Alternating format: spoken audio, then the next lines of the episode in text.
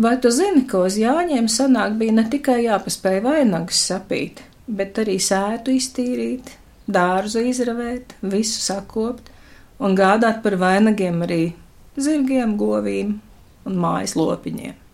Man vienmēr urķē jautājums, kāpēc?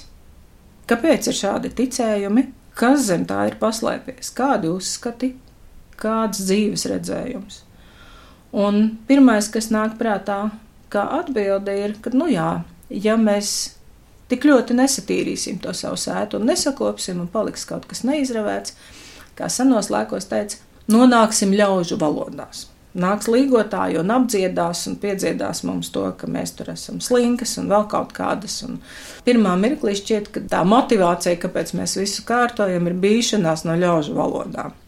Bet padomājot dziļāk, sava daļa, protams, ir arī šis, bet kādēļ tad tās ļaužu valodas ir tādas, ka sakopta sēta ir tikums? vēl jau vairāk pirms svētkiem savest visu kārtībā un iztīrīt. Ne tikai noslaucīt galda vidu un tur uzlikt puķu vāzi, bet sakopt visu māju pilnībā. Ne tikai iekārtot ugunskura vietu, bet izravēt arī nātris no pakšķa. Un tā ir mūsu likumiskā sistēma, kas savas apkārtnes uzkopšanu, savas dzīves telpas uzturēšanu kārtībā uzskata par tādu lietu, kurai normāli būtu jābūt. Un tā ir tāda dziļāka dzīvošana. Ziedonis ir kādreiz teicis, mēs dzīvojam pa virsmu, un arvien vairāk laikam ejot, mēs arī dzīvojam pa virsmu.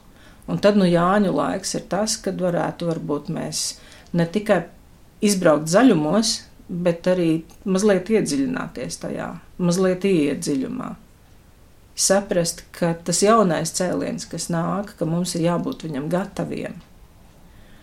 Un šī gatavība mēs to apliecinām ar to, ka mēs radām jaunu kārtību un jaunu harmoniju sev apkārt. Un tā tad iztīram, sakārtojam. Nu, izravēt katrs jau vairs nevar, tāpēc, ka mm, nav jau tā, ka katram latvietim būtu savs dārziņš, lai gan droši vien būtu gribējies. Un Kādēļ tad šī kārtības uzturēšana ir pieskaitāma pie tikumiem? Manuprāt, tas ir tāds jēdziens par to labbūtību. Ja mēs gribam labi dzīvot, tad mums pašiem ir jāveido sava labā vide, kas ir patīkama, kas ir harmoniska, kas ir ērta, kurā ir nepieciešamais padarīts. Nes kādēļ pēkšņi acu priekšā nostājās tās aktualitātes, ko mēs pa brītiņam redzam tagad kara laikā, kāda postījuma ir Ukrainā, un kā šī agresīvā bezkultūras ienākšana samētā to vidi, kas ir gadiem veidota.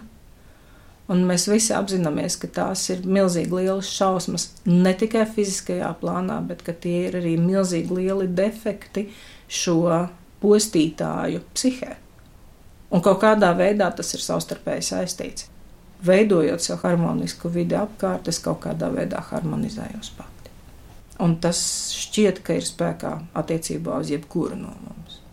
Un tad vēl ir divi tādi, varbūt ne tik labi izmērāmi aspekti, bet es domāju, ka var saprast, uz ko tas ir attiecināms.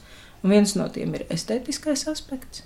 Tad, kad viss ir sakopts, tas var būt ne bezgalīgi skaisti, bet tā pašā laikā, ja kāda vieta ir kopta, to nevar neredzēt.